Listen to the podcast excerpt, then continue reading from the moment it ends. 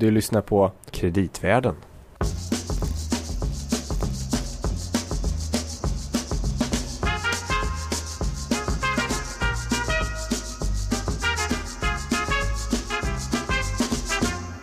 Varmt välkomna tillbaka till Kreditvärlden. Eh, detta andra avsnitt, eh, den andra episoden i vår långa resa på företagsobligationens, företagsobligationsmarknadens marker eh, förra gången så gav vi de breda penseldragen på den historiska utvecklingen. Hur den här marknaden kom till för länge sedan och hur den har, vad som har hänt sedan dess. Men vi inte, kom inte riktigt fram till idag. Eh, och vi har tänkt att idag skulle vi liksom titta lite närmare på vad som har hänt de senaste åren. Jag tycker att vara det något? låter fantastiskt bra. Mm. Eh, för jag tror att det är det många också tycker är verkligen intressant. Hur ser den här marknaden ut idag? Och på vilket sätt fungerar den? Just det. Så att det ska vi kika på. Eh, kanske kan vi också komma in på vilka spännande namn, vilka, vilka som faktiskt lånar på den här marknaden idag. Lite vad man får betalt kanske också och låna ut, om man lånar ut till någon. Allt detta och kanske lite mer. Ja. Men då, vad ska vi, ska vi se, vi börjar där vi slutade då. För förra gången slutade vi ungefär när marknaden började försvinna lite till Ja, Precis, det kan vara bra att komma tillbaka till uh, runda av lite här på säga. Men vi pratade om att företagsobligationer hade funnits väldigt länge. Men sen så visade det sig att marknaden reglerades där av myndigheterna i ungefär 50-talet. Det var andra eh, kanske man ska säga intressen som tog över statens upplåningsbehov och eh, bostadsmarknaden behövde mycket pengar. Eh, så man, eh, man reglerade företagens möjligheter att låna upp eh, väldigt hårt. Och det kan man säga, det gjorde man 50 och 60-talet och sen började man avreglera marknaden. Man kan säga i en stor händelse inträffade 1974. Då fick företagen tillstånd att återigen låna pengar eh, utomlands. Och efter det sen så lånade man upp mycket pengar utomlands. Eh, sen så kom eh, ett antal avregleringssteg på den svenska kreditmarknaden under 1980-talet. Eh, och då kan jag bara nämna några saker att 1980 då kom de första korta skuldebreven för banker, så kallade bankcertifikat. Sen 1983 fick vi såna här statsskuldsväxlar som är korta skuldebrev för staten. Och sen eh, efter det kom företagscertifikat. Och då under 80-talet växte volymerna på den svenska penningmarknaden väldigt snabbt. Och det var faktiskt på den tiden världens femte största penningmarknad. Mm. Det är ju ganska otroligt. Mm. Jag tror inte det är så många som vet om det, men det var det. Och eh, även internationellt då så avreglerades kapitalmarknaderna på en mängd, eh, i en mängd länder under 1980-talet. Och, eh, företagens förutsättningar att låna upp pengar förbättrades och vi hade ju även en fondbörs här i Stockholm där omsättningen mångdubblades också under 1980-talet, Mm. det glada 80-talet. Så att eh, det kom även innovationer, derivatprodukter och så vidare så att det blev lättare för företagen att låna upp pengar och man kunde ändå hantera riskerna Mm. eh, som var förknippade med detta. Men fortfarande var det en marknad för mest de större företagen. Jag tänkte precis säga, jag vill minnas, jag var inte med då själv, men jag har ändå hört om att det fanns en diskussion där i början av 90-talet till exempel. Man pratade faktiskt om företagsobligationsmarknaden. Varför tar den inte fart? Eh, och man var lite besviken över att det kanske bara var de stora företagen som, som fick låna. Precis, att det har varit en marknad som faktiskt, det kan man nog säga, har fungerat ändå ganska bra för de här stora företagen. Eh, Men det var kanske inte riktigt tillgängligt då för, eh, för lite mindre företag och det fanns inte heller investerare som kanske var villiga att, att köpa den typen av företagsobligationer Mm. då. Och sen fortsatte det ungefär på det här sättet ganska länge, Ja, exakt. fram till finanskrisen. Precis, och då inträffade ju något väldigt intressant. Mm. Vi kanske ska lyssna på en låt här som lite kanske skämtsamt illustrerar detta.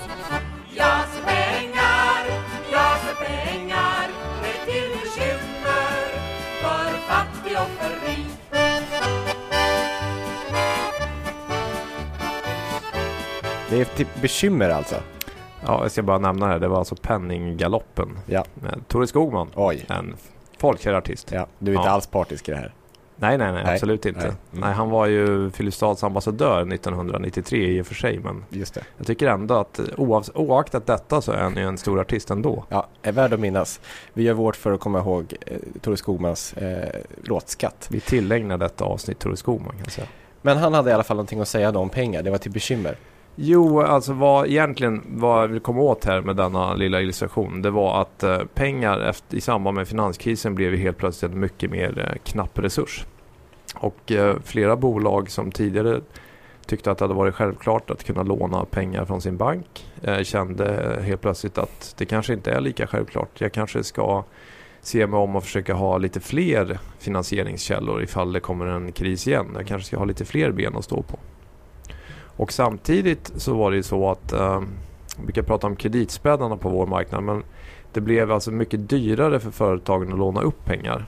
Så att en investerare som kunde köpa obligationer i företag kunde helt plötsligt få en väldigt bra avkastning.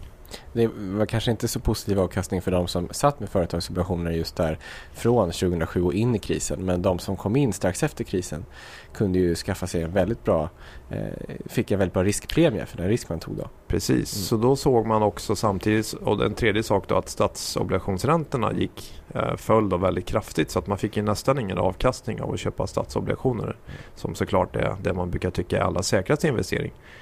Eh, och sen hade vi också det att det var väldigt skakigt på aktiemarknaden så att eh, man kände att det kanske var lite väl diskabelt att ha alla sina besparingar i aktier. Mm.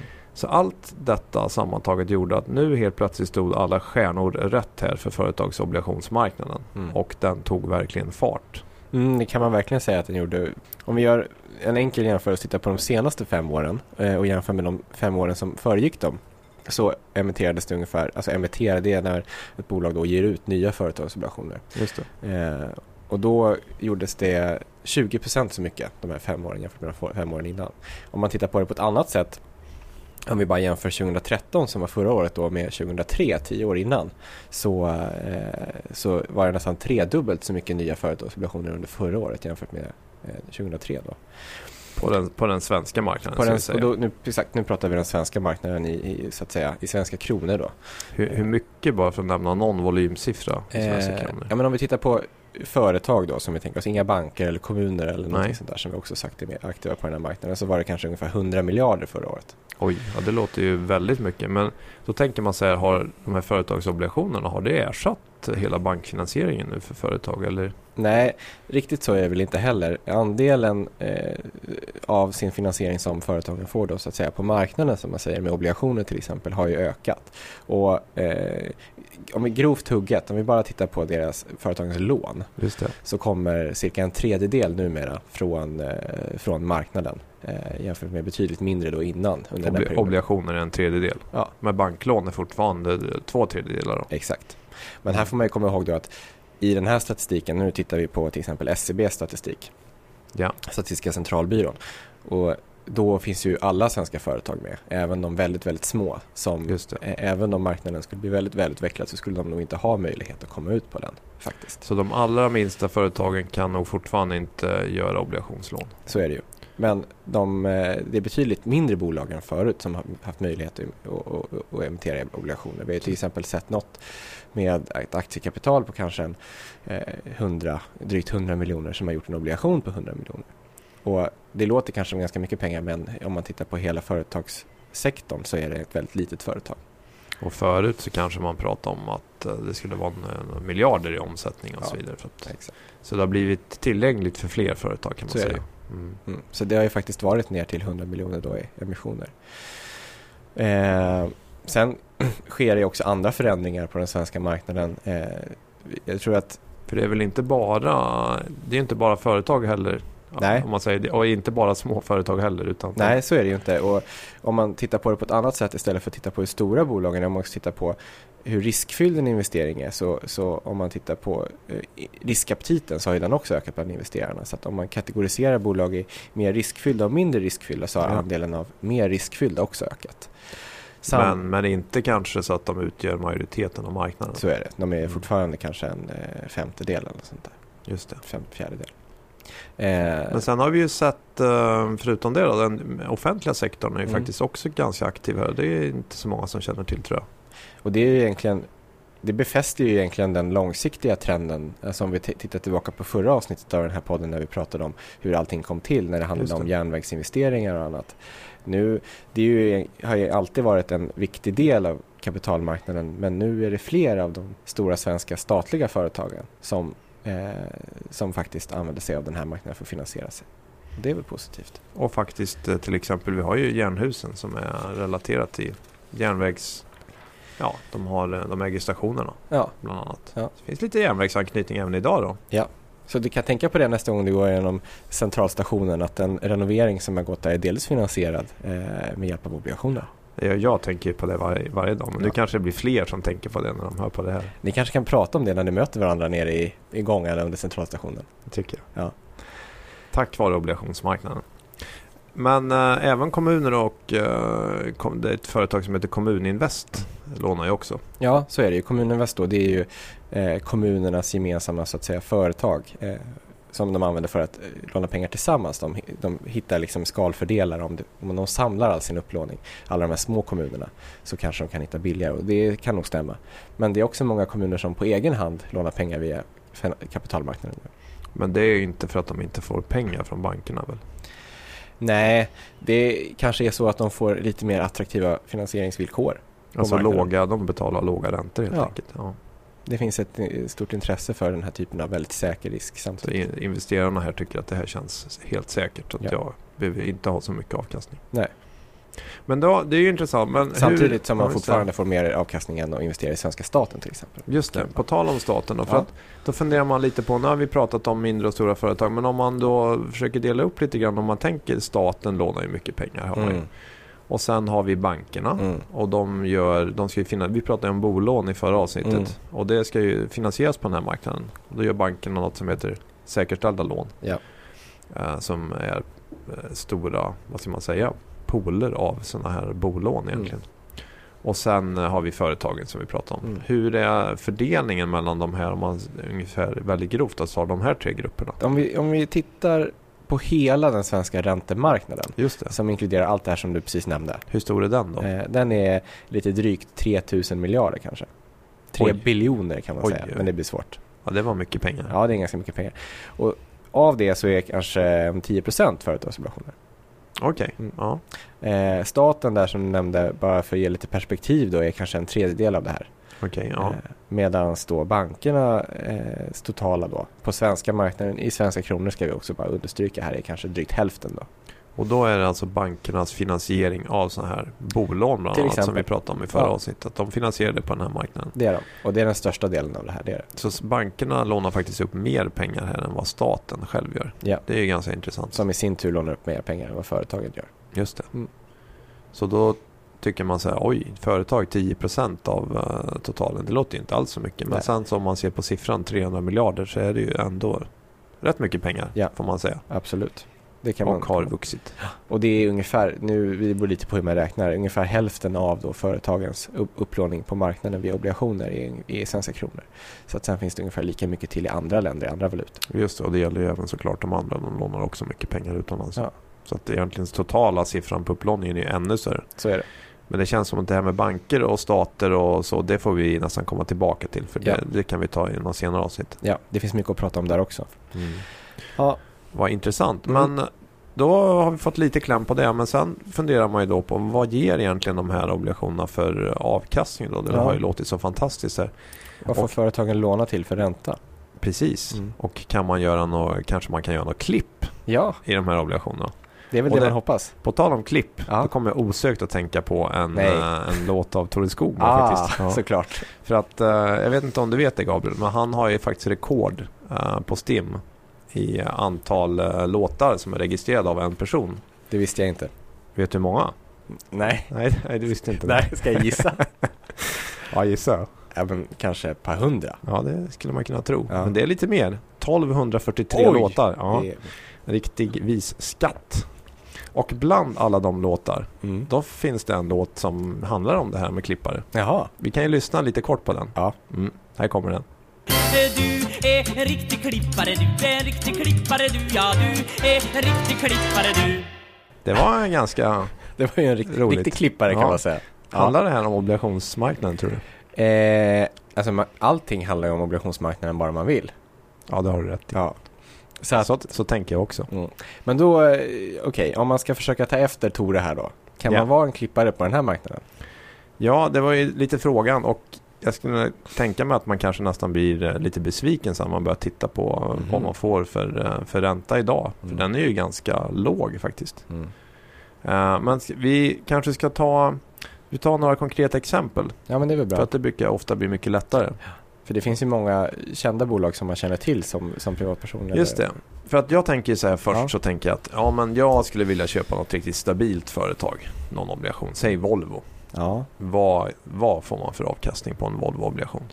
ja men idag, Mm. eh, givet dagens marknadsförutsättningar, Ja. som är en fras Det som låter man, som en sån här disclaimer. Ja det är en Ja. fras man är väldigt bekant med på den här marknaden. Men givet dagens marknadsförutsättningar så kanske Volvo får, får betala drygt 2 procent, 2,10 2,1 procent kanske.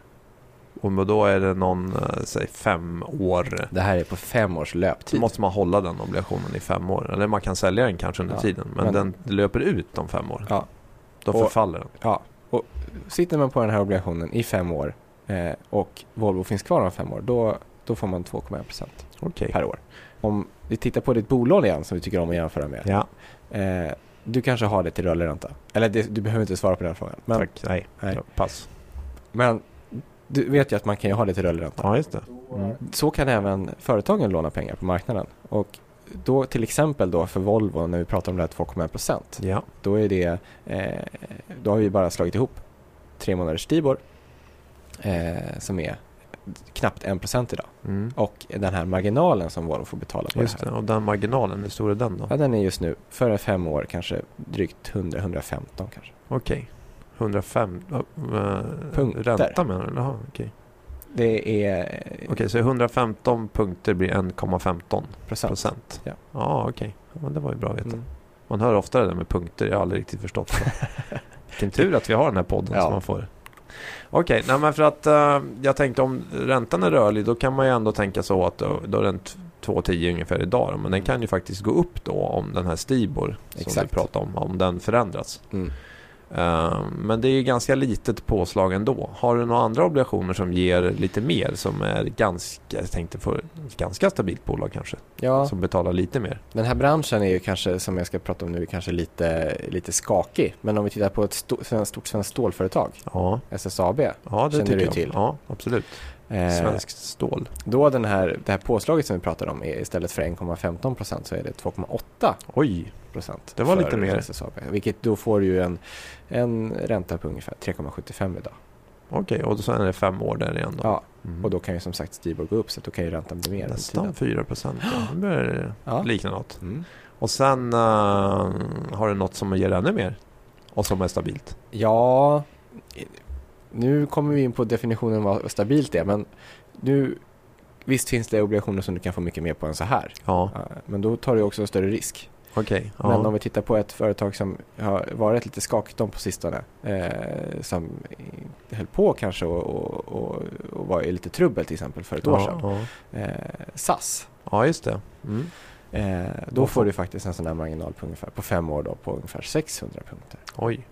6 procent. Så då blir det alltså 7 procents eh, ränta. Mm. Ja, det var ju inte dåligt.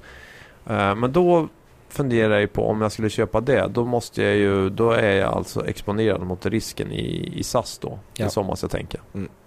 Det är du.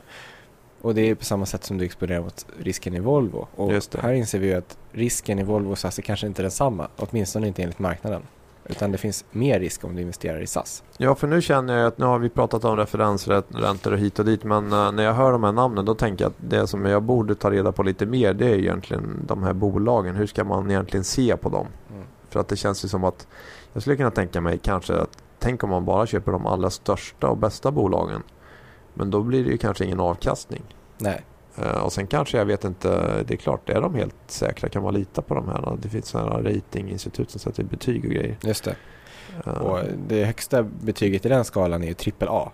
Det är till exempel det som svenska staten har. Men det finns ju även en del företag som har haft trippel A. Just det. Ska vi, vi Borde skulle kunna titta på... eller? Ja, man kan ju tycka det. Vi ska titta på hur det har gått för något av dem till exempel. Det skulle vi kunna göra i nästa avsnitt kanske. Ja, vi kanske ska sluta för idag.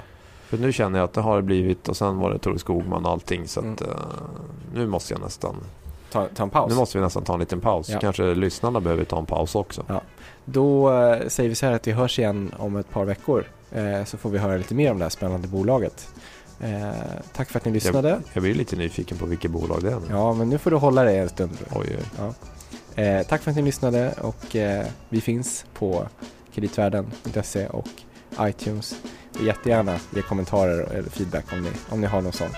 Så hör vi mer om det här spännande bolaget nästa gång. Tackar. Tack! Hej hej.